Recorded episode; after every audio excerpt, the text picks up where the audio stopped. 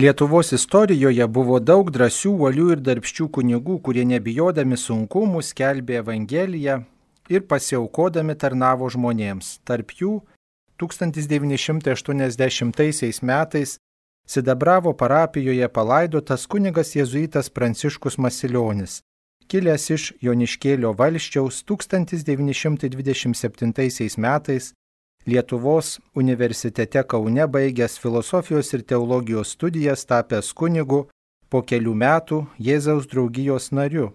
Jis studijavo jėzuitų kolegijoje Innsbruke, dirbo mokyklų kapelionu, vikaru, administratoriumi, vis ieškojo būdų, kaip šio laikiškai apaštalauti ir dar prieškario spaudoje skelbė straipsnių, nuolat vedė įvairias rekolekcijas ir pogrindyje 1947 metais įkūrė Eucharistinio Jėzaus seserų kongregaciją ir buvo pogrindžio Eucharistinio sąjūdžio iniciatorius, telkė kunigus, kad gintų varžomas tikinčiųjų teisės ir pasauliečius kvietė jungtis į Eucharistijos bičiulių gretas.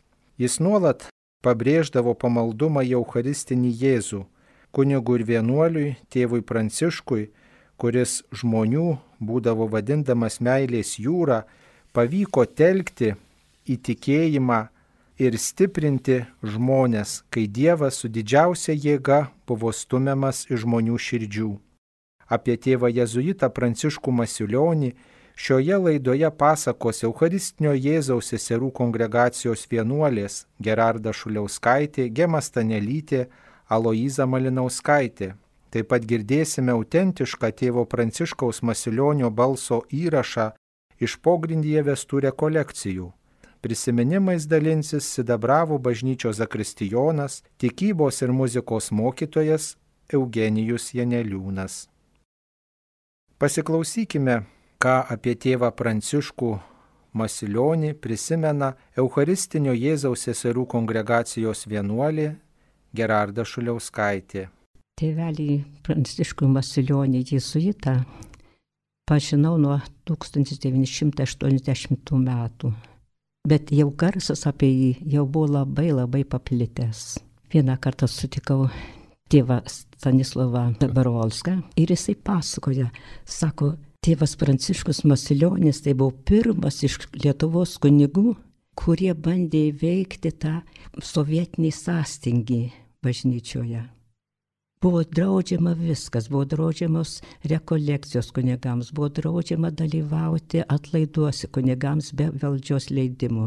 Kunigai buvo verbuojami ir todėl jie vieni kitais labai nepasitikėjo. Jeigu susirinkdavo kunigai kur nors į kleboniją, tai jie kalbėdavo apie būtį, apie orą, nieks neišdrįsdavo iškelti aktualių klausimų. Ir tėvas Masilionis bandė šitą dalyką pramušti, jeigu taip galim pasakyti.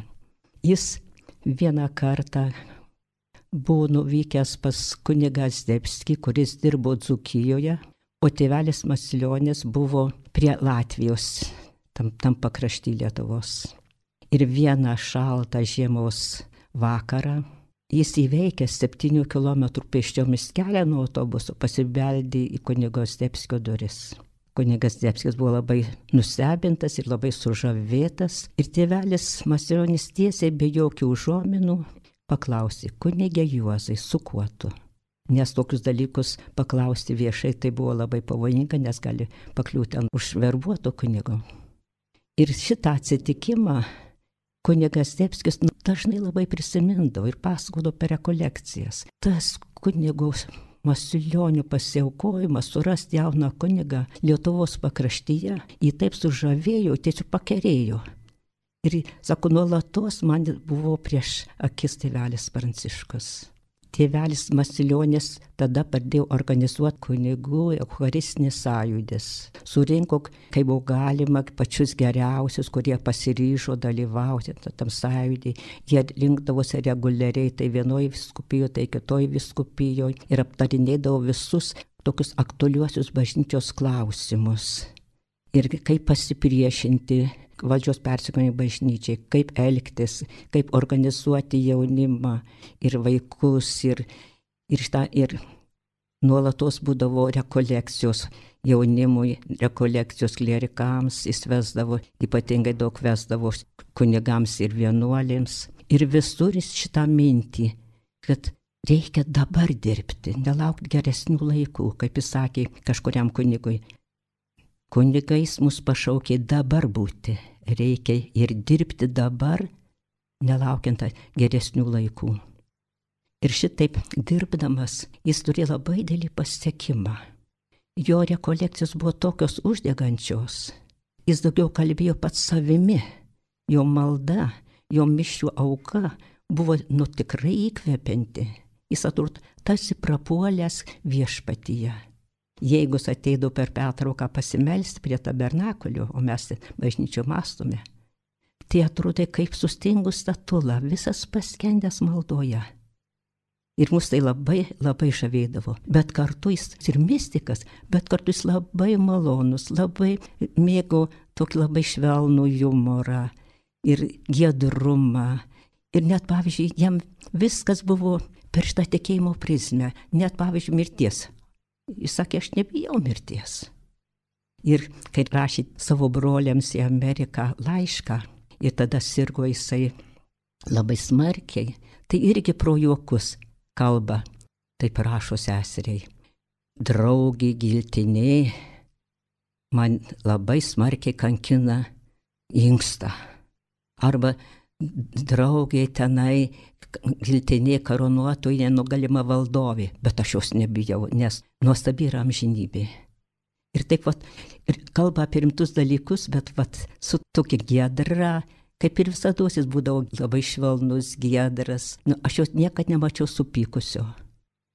Ji būdavo tokiu atveju, kad kongregacijų ten visokių buvo reikalų ir tenai vieno, viena moteriškė nu, labai smarkiai apsuko tėvelį Pranciškų.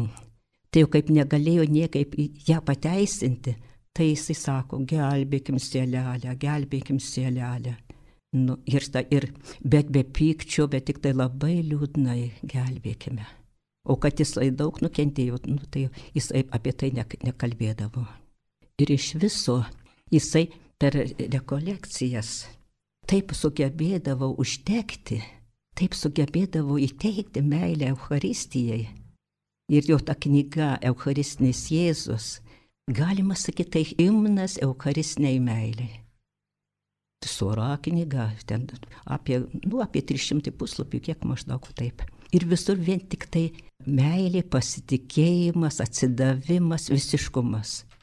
Netruputį duoti, viską atiduoti. Netruputį mylėti, bet visą širdį mylėti. Ir tik tada būsi žmogus laimingas. Tai buvo jo toks moto. Bendraudamas su, su seserimis, jisai vat kažkaip jeigu ir būdavo kas nors, jis labai, labai atsargiai, labai, labai švelniai primindavo ir labai, nu kažkaip, sakyčiau, humaniškai Jis ne tik tai, kad mylėjo ten seseris ar tenai kunigus ar ką nors, bet rūpėsi kiekvienu žmogumi. Jeigu sužinodavo, kad koks nors parapijos senukas ar močiutė serga, jis būtinai lankydavo ir, ir jam nebūdavo sunku iš tenai iš šiaurės Lietuvos atvažiuoti į Kauną pas pažįstamą vaistinkę, nupirkti vaistų, kad nuvežtų tai bubutį, kad jinai pasveiktų. Paskui, kai pradėjo gauti siuntinius iš savo brolio ir sesers iš Amerikos, jie buvo gydytojai.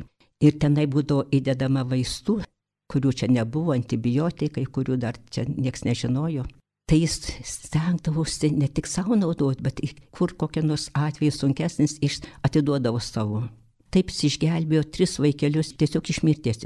Ir vieną kartą, kai moteriškė kažkokia labai susirgo, aplankė ją ir pamatė, kad labai blogai, jie tikrai blogai, tai jis vakarę nuvažiavo į panevišį pas gydytoją į namus, kad tas gydytojas kaip nors gelbėtų tą moteriškę. Jam pasiaukoti tai nieko nereiškia. Niekad jam nebuvo svarbu, ar jis įsimiegojęs, ar neįsimiegojęs, ar pavalgęs, ar nepavalgęs. Kai atvažiuodavo pavyzdžiui į Vilnių ir pas seseris, jisai niekada nenakvodavo bet važiuodavo nakariniu autobusu į Panežį, ten prabūdavo visą naktį stotyje ir tik tai ryte važiuodavo į Sidabravą. Nors seserys labai prašydavo, bet jis mokėjo išnaudoti bet kokias aplinkybės apaštalavimui.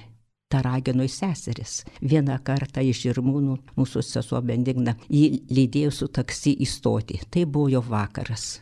Ir atsisėdęs prie vairuotojo jis pradėjo kalbėti apie tikėjimą bet jis taip gražiai, kultūringai. Iš pradžių vairuotojas labai kažkoks nepatenkintas buvo ir kažkaip pasipūtęs, o paskui pamažėlė, pamažėlė. Jis kalba apie astronomiją, kalba apie žymius mokslininkus tikinčius. Ir taip buvo, kad kai atvažiavo iki stoties, vairuotojas pasakė, jeigu kada jums reikės, ateikit pas mus pernakvot, aš gyvenu prie stoties, davė savo adresą. Ir su tokiu džiaugsmu jį išleido iš mašinos. O tai atstumas nuo žirmūnų iki stoties tai nedidelis. Jis mokėjo taip labai gražiai prieiti. Ir ne taip, kad iš karto nutiesiai sakyti apie Dievą, bet va taip turėjo to sugebėjimą paliesti žmogaus širdį. Ir tai nebuvo tai tik tai vienintelis kartas. Jis dažnai važiuodamas sako ir sesims, atsisėskit prie žmonių, su kuriais galima kalbėti. Nepraleiskit progos, pakalbėkit apie Dievą. Nu, tai ne vis toks dalykas sekasi, o jam sekdavosi. Kadangi jisai buvo toks veiklus, tai jis buvo labai persekiojamas, kelnojimas iš parapijos į parapiją, altaristų ir visokiais būdais persekiojamas. Palėvenėje buvo gera klebonija, jis iš pradžių tenai apsigyveno. Bet jį greitai įstumė į kažkokį sandėliuką, kur buvo labai drėgna ir šalta. Ir jis nieko nesakė. Jis ramiai viską priimdavo, visus persekiojimus, visus pajuoką. Žodžiu, absoliučiai pasitikėjo Dievu. Ir gyvendamas šitaip artimai su viešpačiu, jisai kažkaip labai patraukdavo žmonės. Ir kada jisai jo prieš mirtį gulėjo Šiaulių ligoninėje, tai jis, nors jau pats buvo labai labai sunkus ligonis, bet labai rūpinosi kitais, klausydavo iš pažinčių ligonių. Ir tenai gerai negaliu pasakyti, bet Maros vieną milicininką jis atvertė, bet čia ne, negarantuoju, čia tik tai kažkas va šitaip. Ir pats, pavyzdžiui, apie mirtį labai gražiai kalbėjo, parašęs kelis eilėraščius, net maršą mirčiai parašęs. Dar žingsniai keli ir kelionė baigta, prie kapo paliekam lasdelę. Bet tai tik pradžia, pabaigos niekada mes einam į nuostabę šalį. Ir kitom eilėraštį rašo, mamytė, kiedri rimo prie mano karsto. Aš tėvynėje, nepaprastoj grožybėje, tu manęs neliūdėk. Va taip, visus žadindavau, kad į mirtį žiūrėti visiškai paprastai, kad mirtis tai nėra kažkoks baigėsi diena, naktis ateina, čia mes išeinam į nebūtį. Ne, jis sakydavo, rytas bus, bus rytas, bus naujas rytas išauš. Ir iš tiesų jisai mirė ryte. Šiauliuose. Mūsų išvarė į bažnyčią, būtinai eikite į bažnyčią, į brolius jėzuitus ir ten pasisutės jisai buvo atvežtas. Ir mūsų visas išvarė likus tik viena sesutė. Ir ryte, kai mišios maždaug baigėsi, jisai 8.50 iškeliavo jam šnybę. Tikrai jam išaušo naujas nuostabus rytas. Ir kada jisai susirašinėdavo su broliais Amerikoje, ten buvo du broliai ir dvi seserys pabėgę iš Lietuvos. Juos irgi žadindavo labai pasitikėti, labai mylėti ir broliai labai daug padėdavo jam čia Lietuvoje. O jis tuos, kaip gaudavo siuntinius, tai koliks pareidavo iki namų, tai sako, dažnai jau tie siuntiniai beveik ir būdavo tušti. Išdalindavo žmonėms, ką tik turėdavo, išdalindavo. Nu taip truputėlį susipažinę su tėvu Prancišku Masilioniu, norėtume, kad jo mintys labiau paplistų, jo meilė Euharistijai daugiau uždegtų žmonės. Ir ta meilė veržėsi tiesiog iš jo širdies tokia galinga srove. Jį vadindavo meilės jūra. Ir būtų gerai, kad ta meilės jūra užlietų mus visus. Ir kad ta meilės jūra būtų mūsų džiaugsmas. O susipažinti su tėvu Masilioniu, jo raštais labai labai būtų naudinga. Yra daug išleistų knygų, yra rekolekcijos, yra Elis Magnifika, konferencijos, yra eilėraščių daug. Broliai išleido vieną rinkinį Amerikoje per skausmus į garbę. Ir tenai labai dėlis dvasiai lobinas, kurį tikrai verta paskaityti. Jūsų dėmesiui unikali galimybė išgirsti ramų 1980 metais pas viešpatį iškeliavusio tikro dvasios milžino kunigo Pranciškaus Masilionio vestų rekolekcijų garso įrašą. Tegul kalba neišraiškingos retorikos priemonės, o nuolankaus ir ramaus, drąsaus kunigo žodis. Aš labai norėčiau pabrėžti sesutės. Pabrėžti maldos svarbą. Nepamainamą svarbą. Jeigu jūs norite, norite pažangos dvasios gyvenime, šventumo, jei norite, jei norite didelio paštalavimo, būtina malda, būtina praktikuoti. Ar rimtai praktikuoti? Vėlį nepavalgykit pusryčių. Vėlį atsikelkit vieną valandą anksčiau. Neapleiskit mąstymą. Atidėkit darbus. Taip tvarkykit darbotvarkę, dienotvarkę, kad maldai būtų tinkama vieta. Tik kai svarbus reikalai, svarbus, tada atidėkite vėlesniam laikui arba atleiskite. Vieni yra kaip papildyti. Nenusileiskit. Nei minutės netrumpinkit. Į kada ima nuobodulys arba vidinis apleitimas, nenusileiskit, dar prateskit tos pusę minutės. Eina kova. O gal ar galvosime, kaip apie Jėzaus maldą alyvų darže. Yra pavyzdys. Šitaip melskis, krūvinai kartais, galbūt. Yra kova prieš įdą. Atplėšiam save nuo žemės. Įsikimpam į Dievą. Kova už durybės už nuolankumą, už paklusnumą, už meilę, už meilę visiems ir visom ir nepalankiom. Likviduojam antipatijas visokias, netikras simpatijas. Viską sutvarkom.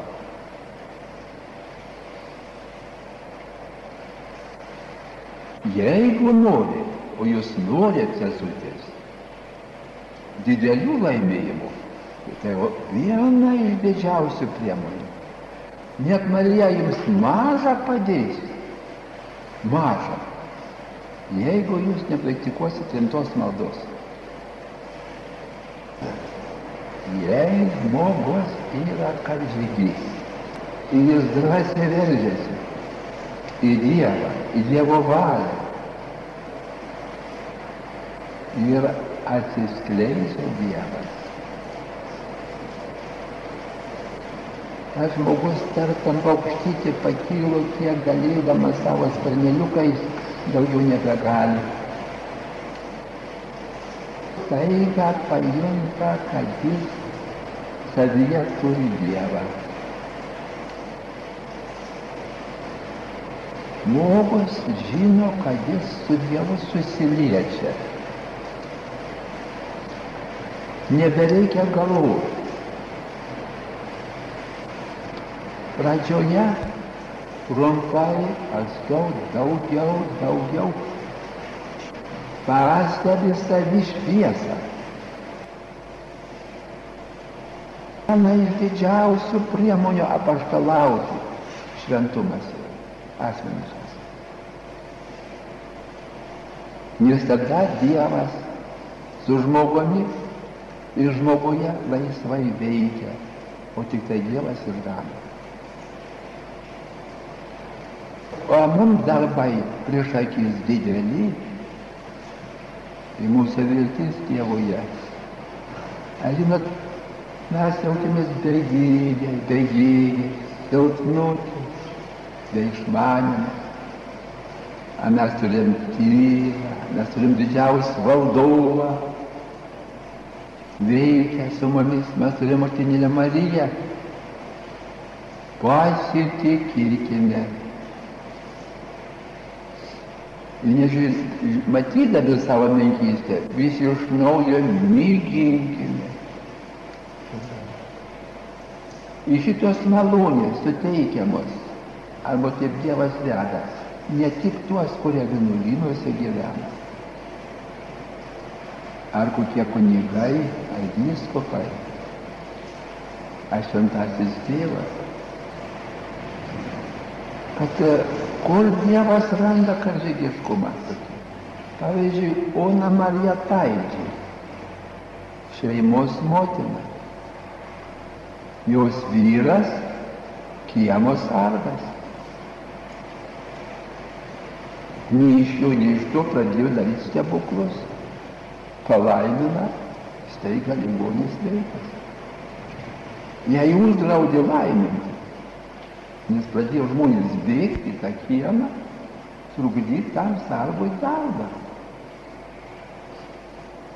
Ir daugiau tokių yra. Paskutiniais laikais garsėja Liucija Kristina, pavadės nežinau, jums penėliau kaip jin pasaulyje gyveno, šeimoje gyveno, augino savo vaikučius, paskui anūkus augino, į teatrą turi važiuoti vaikus ir į kiną. Abi su Dievu, ypatingai su Jėzum švenčiausiam sakramente. Tai matot, kaip yra į aukščiausią maldą ir aukščiausią šventumą keliai vienodi visiems. Relingas Jėzus kviečia drąsiai eikite paskui jį, paskui Jėzų, pasitikėdami, gaudami, mes daug pasieksime. Ir mes prašykime, kad viešpas išplėštų mus iš mūsų ir suvartotų mus savo darbams. Sovietmečiu dar mažam vaikui didį įspūdį paliko kunigo Pranciškaus Masilionio tarnystė. Jūsų dėmesiui Sidabravo parapijos Zakristijono tikybos ir muzikos mokytojo Eugenijaus Janeliūno prisiminimai. Pažintis buvo tokia, kad kaimynų berniukas, jisai buvo vyresnis, pakvietė, jisai jau tarnaudavo bažnyčiai, mišiuose, kiekvieną vakarą eidavo ir pakvietė mane, man buvo tada 8 metai, ir pakvietė būtent į bažnytėlę ir ta pažintis tapo tokia lemtinga, kad likščiol aš būtent šitai bažnyčiai praėjęs visas instancijas nuo patarnautojo iki teko ir Zakrastijonų pasidarbuoti ir jau 27 metai vargonininkas, kaip tik pasilikau būtent uždegtas tėvelio, jo meilės, jo būtent Jis man buvo kaip idealas didelis. Kada minėjom 35 metį, prieš tai buvo viena žurnalistė buvo paklaususi, Kaip galėjo senukas 76-78 metų senukas patraukti tiek, kad buvo tiek pilna jaunimo. Pasakysiu, kad būtent savo meilę mums ir mokėjimu išklausyti, mokėjimu padrasinti, o buvo kaip tik buvo tie tokie tikėjimo persekėjimo laikai ir būtent uždegti drąsos įskiepit. Ir galų gale meilės, meilės Dievui, jis mums buvo didelis pavyzdys. Ir aišku, kaip minėjau, būtent į mus kreipdavosi ir bendraudavo kaip su savo lygiu. Kaip pavyzdys, kada būdavo mišios, sekmadieniais dviejos mišios, votyvas, suma, tai būtent tėvelis iš pavotyvos mūsų niekur nepaleisdavo, kartu kviesdavosi į klebuniją senąją, sudindavosi prie stalo ir pusryčiaudavom kartu. Mums, aišku, didelė laimė ir džiaugsmas, malonumas, kaip ten ir bendrauti, ir pusryčiauti, po to ir žaidimų parūpindavo buvo toks kambarėlis, o paskui prieš sumą skambant varpui, vorelė, kaip kad išeidavo kunigas iš Zakrastijos su patarnautais į mišes, taip mes vorelė iš Klebonijos į Zakrastiją keliaudavom būtent e, sumai. Aišku, prisiminimas didelis taip pat labai tuo, kad net ir mišios buvo derinamos kai kurios būtent pagal mus, kad mes galėtumėm, pavyzdžiui, bernelių mišios, kad prieš mokyklą, nes tuo metu, aišku, kalėdos nebuvo švenčiamos valstybiniu mastu, tai būtent prieš mokyklą, kad spėtumėm sudalyvauti bernelių mišiuose, ir būdavo labai gražu, dabar prisimenu su tokiu malonumu, kai atidaro, o ten kuprinių, mažoji tokioje zakrastyje, kuprinių vos ne iki lubų. Tai būtent ir patarnautų, ir berniukų, ir mergaičių buvo, mergaičių aišku zakrastyje kitoj pusėje. Tai va ir paskui po mišių visi čia visi eina mokytojai į mokyklą, tie, kuriems abejingi, aišku, ir pro bažnyčią praeidavo ir tie, kurie buvo aktyvūs kovotojai, tai jiems būdavo toks šokas, pamačius kaip iš bažnyčios masė vaikų jaunimo keliauja į mokyklą. Aišku, labai dar kas įstrigo, tėvelis didelį dėmesį kreipė sakramentų ruošimui, sakramentiniai praktikoje ir mes turėjom tikrai didelę Dievo dovaną, jeigu kitos parapijos, kuriuose ruoždavo močiutės, būtent mokydavosi tik poterius, tai mes turėjom galimybę daug susipažinti, daug išmokti, kadangi sakramentams ruošiamės tris vasaras, po dvi, du mėnesius. Tačiau tos pamokos būdavo labai įdomios, kaip ir pertraukos, kurių metu buvo ir žaidimų, ir kamuolių pripirkta, ir šventorius nutryptas, ir iš kai kurių mučiučių ir pastabų gaudavom, bet tėvelis tą toleruodavo. Ir kaip minėjau, sakramentams, pavyzdžiui, priejus iš pažinties visus metus būdavo duodamos tokios kortelės, kur kiekvieną mėnesį eidavom ir atsižymėdavom, o paskui su tom kortelėm ruoždavomės komunijai po komunijos, aišku, sutvirtinimo sakramentai. Kas dar įstrigė, įstrigė labai, kad net ir sekmadieniais po sumos grįždavom, paruoždavom pamokas ir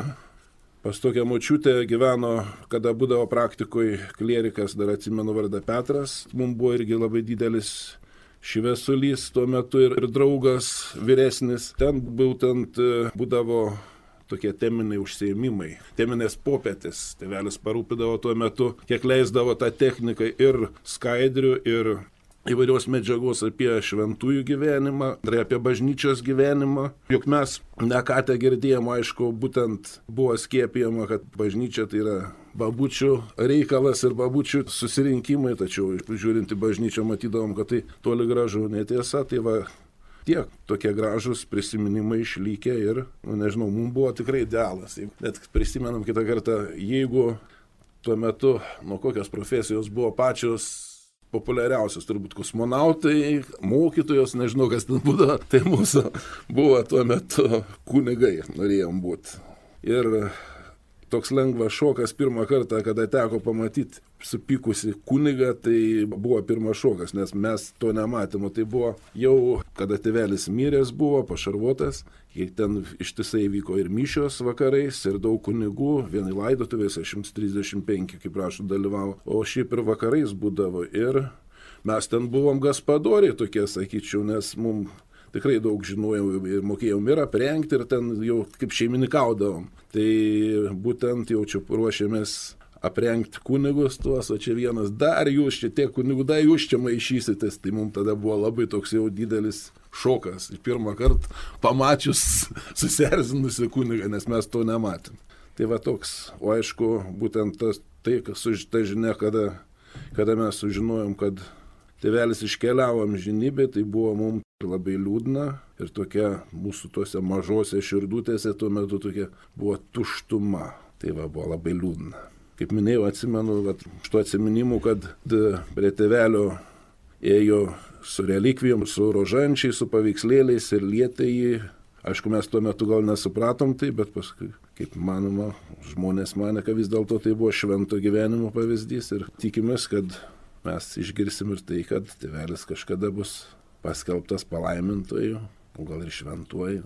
Čia mums didelė garbė, kad jo būtent tie žemiškieji palaikai ilsisi mūsų bažnytėlė šventoriai. Sidabravę. Sidabravę, taip. Buvo tas žodis toks jo paveikus, ar tikrai tie pamokslai ugningi, sudominantis, paaiškinantis. Kiek esam girdėję, mes matome dar vis tiek mažuliukai buvom, dar supras, kai kada ką sunku, bet iš tikrųjų klausydavom pamokslą, taip, būdavo uždegantis.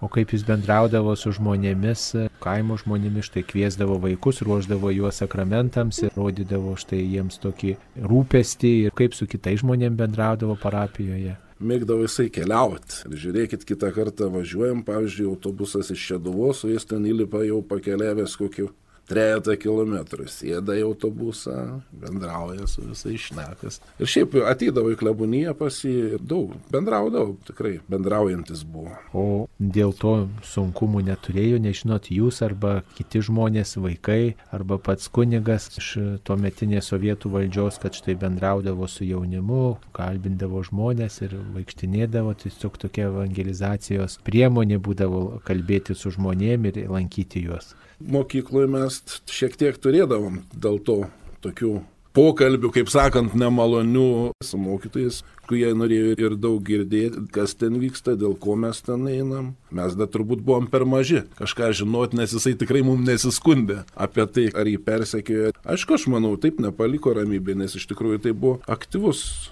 apaštalas, sakyčiau, mūsų parapijoje ir aplinkui.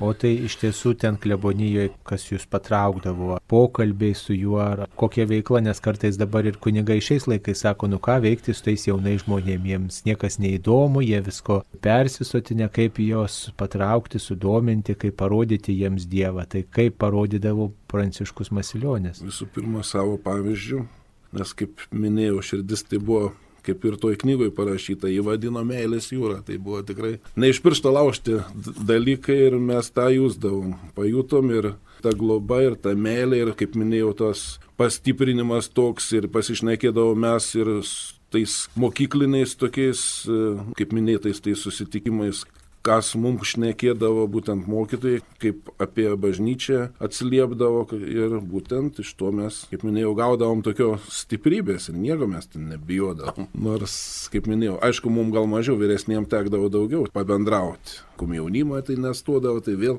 jiem daugiau tekdavo. Tėvelis, kai mirė, aš tik buvau ketvirtoj klasiai. Minėjo gyvenimas, jo veikla. Taip, įsiminė ir, kaip minėjau, didelis indėlis. Nors aišku, mūsų šeima yra su tradicijom, gėliom. Ir prosenelis buvęs maršalka, ir, ir seneliai bažnyčios korė gėdoja, ir mama gėdoja. Ir kaip sako, iš kartos į kartą, bet vat, būtent tas, ta meilė tokia įskiepita, iš tikrųjų tai buvo didelis indėlis būtent tėvelio. O žinojo tuo metu žmonės, kad štai jis yra vienuolis ir taip pameiliai vadinate tėveliu tą kunigą. Žmonės gal žinojo, mes ko gero ne. Ir kas dar prisiminimuose tokiuose, kada buvo pašarvotas bažnyčiai, buvo ant sienų iškabinti jo tie visi eilėrašiai, žmonės ten persirašinėjo ir tas eucharistinis kredo, tada mes pamatėm, ką mes turėjome. Mums buvo paprastas, mylimas kunigas, kuklumas. Kaip leisdavo šventę su tėvu Prancišku Masiulioniu, kokios šventės būdavo, Velykos kalėdos. Velykos kalėdos, tai jau taip, atlaidai devintino, mato atlaidai pas mus. Kokie būdavo gal speciali kažkokia programa jauniems žmonėms ar kažkoks pokalbis, ką tai reiškia, kas čia bus, kaip vaikai dalyvaudavo tame. Daugumoje, kaip minėjau, tie susirinkimai tokie būdavo po mišių, po pietų, vat minėtos šviesios atminties Petronėlės namuose to šventis, tai kiekvieną sekmanį šventis, ypatingai tame tarpe tarp votyvos ir sumos, kartu prie stalo. Ir kas stalą paruoždavo pats? Šeimininkės, dvi seselės ten gyveno, tai va būtent jos paruoždavo visiems. Ir mes tokie svarbus asmenys pasijūsdavo. Ir kiek jūsų, kiek jūsų ten būdavo? O skaičius nežinau, mūsų vien prie altoriaus ten daugiau turbūt negu ką paštalų. Kita kartą dabar pasižiūriu kaip patarnautojai, kada būna tokie gal šiek tiek vangoki. Dabar mažiukai yra tokie aktyvus pas mus parapijai. Bet mes e, pareigom skirstydavomės prieš mišes. Vakarais, aišku, mažiau būdavome, jau kokie 3-4 kiekvieną vakarą, kur ateidavom ką sakydavo tėvelis, jeigu padarydavot kokių klaidų patarnaudami mišiom arba kažką sugadindavot, kažkas iškrisdavo iš rankų. Greičiau kažkas... sulaukdavom priekaištų iš bažnyčios tvarkytojų arba iš parapiečių, negu kai iš tėvelio. Iš tėvelio neprisimenu, kad aš būčiau, kad būčiau sulaukęs, būtume sulaukę kokiu nors priekaištų, nes mokėjau gražiai parodyti, kaip padaryti, kaip nutaškius ten kokie staltėse, tai jau gaudavom pilos nuo tvarkytojų bažnyčios moterėlių. Arba jeigu nemoka, ne, neužsidegdavo kitą kartą ar žvakėse, kas jau ten juos pastabų duodavo mums, tėvelis ne, ne, neteko. Net neprisimenu, ką nors, kad būtų koks nors priekaištas, nepasitenkinimas iš jo pusės tikrai nebuvo. Aida vieną tokį atsitikimą, net ir vienas iš tų bendramžius čia buvo atėjęs patarnauti, bet toks buvo epizodinis ir paskui stoja į pionierius. Koks jis ten laimingas, kai jis įstoja į pionierius, ten kaip žinot, kaip kalbas tas reikėdavo sakyti. Nu ką, įstoja, įstoja. O sekmadienį ateina jisai į bažnyčią. Nu ką mes, nu tai jeigu tu pionierius, tai ko čia dabar jau. Ir išgirda tėvelis, nesako. Dievulis visų šaukė, sako, ir, žodžiu, nedavė mum nubausti už tai jo, bet tai gražiai pamokančiai, nesibardavais. Apgynė, žodžiu, tą pionierių, Apgynė, kad jis gali patarnauti. Jo, gali. Kokių dar prisimena tokių įvykių, galbūt kaip vaikai nuklauso kokių pokalbių su augusiu jų, ar mato, kaip štai elgėsi su suaugusiais žmonėmis, štai ar buvo kokių nelaimių, pavyzdžiui, vaikystėje jūsų, kaip sakant, akiratį, kaip reaguodavo tėvelis, ar kaip nesusipratimų, ar dar kažkokių įvykių, kur vat, matytųsi, kokia jo reakcija, kaip jis sprendžia kažkokius klausimus. Neteko dėja matyti tokių dalykų, tai negalėčiau pakomentuoti to dalyko, nes Tokio mes matėme iš šviesų, švytinti, entuziastingą tokį, o apie Kad e, seselio prisiminimuose girdim, kad pirmą kartą tėvelis pasakė žodį pavargau tada, kai gulėjo mirties patale. O šiaip visada būdavo optimistas. Nesiskūsdavo. Nesiskūsdavo.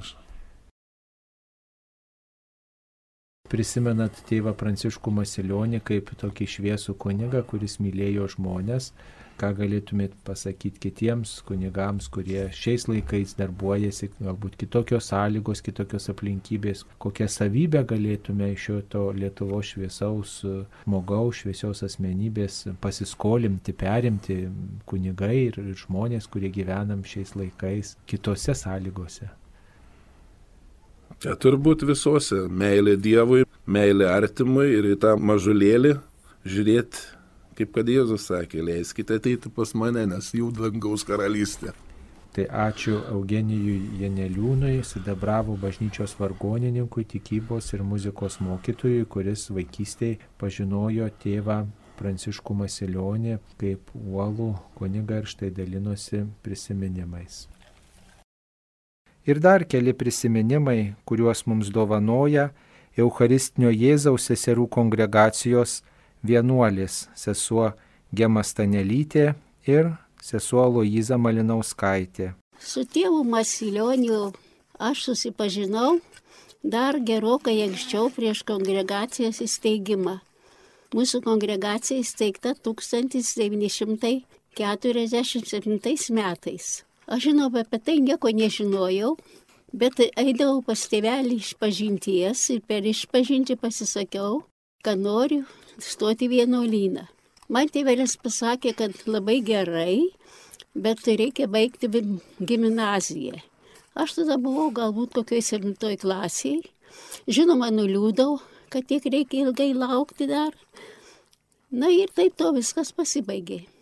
Maždaug gal kokiai 40, gal 9, 8 metais Dievo apvaizda mane suvedė su pirmosiomis kongregacijos seserimis Aš irgi jom pasisakiau, kad noriu vienuolyną stoti. Jos sako, teik pas mus. Ir kada aš atėjau, žiūriu, kad atėjo tas pats tėvas Masilionis. Ir jis dar net paklausė, ar aš prašiausi vienuolynę, iš atsirodo, pasirodo, kad jis manęs nepamiršo. Svarbiausia, ką aš galėčiau pasakyti apie jį, tai man labiausiai įsidėmėjo jo devizas toks, sakyčiau, kad Dievo meilės saikas mylėti be saiko. Ir tas jo besaikiškumas visur reiškėsi. Visur jis taip mylėjo Dievą, Eucharistiją ir žmonės, kad nežinojo jokio saiko. Ir net kurdamas kongregaciją, rašydamas mums regulą, jis tiesiog nepajusdavo, kaip iškeldavo mums seserims tokius reikalavimus, kad šventos atminties vyskupas Ilijonas Stepanavičius, kuris tuomet buvo tremty, e, žagarėje ir buvo autoritetas Lietuvoje, jisai sakė, tėvelį negalima šitaip, galima šitą siūlyti tik kaip tiesiekiamybė bet neįpareigoti, nes seserys nepajėgs įvykdyti ir tada jos jausis neramios. Tėvelis, žinoma, būdamas paklusnus, nusileisdavo, bet nelabai su dideliu noru. Jis, jis negalėdavo tiesiog jo visi raštai, visos kalbos, tiek pilnos epitetų. To pradeda kalbėti apie Eucharistiją, tai daugybė visokiausių epitetų išaukštinimų ir jis saiko tikrai nematė, nes taip mylėjo. Yra parašęs rekolekcijų knygą Magnificat. Tai pagal šventą Ignacą, bet Ignacas tai duoda tik tai trumpai nurodymus, o, o tėvas Pranciškus Masilionis viską išplėtė iki begalybės. Ir skaitant jo raštus iš karto nelengva, nes labai daug apetitų, labai daug išaukštinimų. Pradėdavo apie Eucharistiją kalbėti mums konferencijas, tai mus taip uždegdavo, kad atrodo tuo momentu tai e, jūra iki kelių, bet ką padarytum, kad tik tai įvykdytum tai, po jis susideg, užsidegęs būdavo. Ir e, dar svarbiausia, buvo net toks keistas, galėčiau pasakyti, ne visai suprantamas įvykis. 1955 metais, kada jis dirbo palėvieniai, didelės parapijos niekad neturėjo, ten kažkaip prieš kalėdas komjaunuoliai tenai kažkokius kėlė tenai vaišės ir padegė bažnyčią.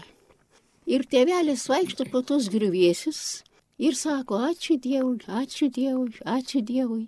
Tai broliukas, kuris jam patarnavo, sako, tėvelį, jūs taip garsiai nesidžiaugit, nes sako, pagalvos, kad jūs pats padegėte tą bažnyčią. Žinoma, jis nesidžiaugė, kad bažnyčia sudegė ir dėl jos atstatymo jis paskui kryžiaus kelius perėjo. Bet jis džiaugiasi to, kad tai buvo prieš pat kalėdas ir kas sako, va dabar mes galėsim kalėdą švęsti taip kaip Jėzus prakartėliai. O tada tais metais, tai dar žiemos buvo netokios kaip dabar būdavo ir šaltos, ir sniegotos. Ir tikrai jis atvažiavo pas mus e, po kalėdus. Linksmas šypsosi, sako, va, mes kalėdas atšventim taip kaip Jėzus. Pašiūriai, šalta, e, sniegas ir mišes ten aukojom. Jis toks buvo pilnas džiaugsmo, kad galėdėjau pasiaukoti. Dar man taip jau aiškiai buvo jo gyvenime, tai tiesiog jis turėjo pranašišką tokią įžvalgą. Jo laikais, dar tėvo Maslionio laikais, būdavo dar įprasta kalbėti, kad gelbėti sielas. Ir net tas ypatinga Jono Boško tas posakis, damihi animas ceteretolė, tok man sielas, visą kitą tim. O tėvas Masilionis jau kalbėjo apie pilnutinį išganimą. Reiškia, ne tik siela, visas žmogus turi būti paimtas Dievui ir jis visada sakydavo, kad mokslo pasiekimai, technika turi tarnauti Dievui ir žmogaus pilnutiem išganimui matydamas pavojų, kad pats jaunimas yra labai, labai daug suklaidintas, nutolęs nuo Dievo, jie malonumų ieško karčiamose ir taip toliau, jau tada jis tą matė ir jisai tiesiog būkštavo dėl vaikų ateities, matydamas jų nekaltą žvilgsnį, jų tokias gėrių atviras viskam akis. Jam taip rūpėjo nešti į tą vaikų pasaulį, tą Jėzų, jo meilę atskleisti jiems suprantamu būdu, leisti jiems ateiti prie Jėzus ir pats Jėzus randa kelią pas juos, prakalba, svarbu juos atvesti. Užtat atsimenu, kaip jisai kalbėjo apie pirmosius penktadienius mokyklose ateiti pasiruošti susitikimui su Jėzu tais pirmaisiais penktadieniais ir būdavo organizuojami tiesiog iš vakaro jau išpažinčiai parapijoje, kuris darbavosi tokie vaikų sukvietimai, lydinti vėliams, aišku, tokie pirmo penktadienio pasirengimui atliekant išpažinti, o penktadieniais primant komuniją. Iš viso, dėl garbinimo, dėl adoracijos, kuri tada tikrai nebuvo praktikuojama, bet tėvo Masilionio e, suvokimas Euharistiją kaip meilės šaltinį, kaip patį Jėzų, kuris kaip tik prie savęs ir kviečia, jis čia pasiliko. Jį labai buvo užvaldęs tas supratimas. Jis tiesiog praktiškai e, dėjo pastangas, matydamas tą pavojų grėsinti iš šalies, Viskupo leidimu, kreipdamasis į jį, parašydamas jam net laišką, labai pagarbiai, labai nuolankiai, pabrėždamas, kad jis nenori nieko mokyti, nes jis yra silpnas, dar tik besimokantis, kaip tarnauti bažnyčioje, bet matydamas tuos pavojus, matydamas tuos trūkumus, jisai nori gauti tokį leidimą veikti, kur jis gali bažnyčios labui Jėzaus garbiai teikti Jėzų džiaugsmą. Tuometiniai katalikiškoji spaudoj. Žvaigždė buvo, buvo dar turbūt Lurtas, dabar neįvardinsiu, tik, bet žvaigždė tikrai, jisai rašydavo irgi, ir jis pats rašydavo, bet ir apie jį yra, apie jo veiklą atsispindi, ten yra straipsnių apie tas E, jo organizuojamas vedamas misijas kaimų vietovėse. Jis buvo vienas iš tų iniciatorių ir jam buvo pavesta vyrų maldos apaštalavimo sąjudis ir tiesiog skaičiais pažymėta, kiek tame susibūrime vyrų, keli šimtai buvo priėmė šventąją komuniją paskui jų atsiliepimai, ką jie gavo išgirdę šito pamokslininko tėvo konferenciją, jo mokymą ir asmeninę patarimą pokalbiuose išpažinti, įsiklausant jo į jo žodį. Tai rodo, kokia buvo jo širdį deganti meilė Euharistijai, nes jis aiškiai suprato, kad čia yra tas šaltinis liudijo ir parapiečiai, pačiai teko patirti, jis e, atradęs akimirką niekada nepraeina, neužėjęs į bažnyčią. Ir čia parimojas prie tabernakulio, prie Jėzaus. Ir pasakojo viena parapietė, atėjau ir klausiu kunigė, ar bus dar mišios, tai buvo jau popietis. Ir jisai sako, ne, jau, jau mišios buvo, tada būdavo daugiausia rytais mišios, bet ar gal norėtum priimti komuniją? Jis pats padrasina, jis pats paklausė, nelaukdamas, kad prašytų. Veikla, kuri buvo tiesiog ugninga veikla, jisai kur galėjo, jisai tą pačią ugnį nešė. Laimingi, kurie ne tik pažinojo meilės jūrą, tėvą Jėzuitų Pranciškų Masilionį, bet jo perteiktą tikėjimo liūdėjimą tęsia sava artimo ryšio su Dievu istorija. Ačiū šioje laidoje dalyvavusiems ir apie tėvą Jėzuitą Pranciškų Masilionį pasakojusiems Eucharistinio Jėzaus seserų kongregacijos vienuolėms Gerardai Šuliauskaitėjai, Gemai Stanelytėjai, Aloizai Malinauskaitėjai, taip pat sidabravo bažnyčios zakristijonui, tikybos ir muzikos mokytojui Eugenijui Janeliūnui. Tegul nudžiugins tėvą Pranciškų amžinybėje esanti mūsų ištikimybė Eucharistiniam Jėzui.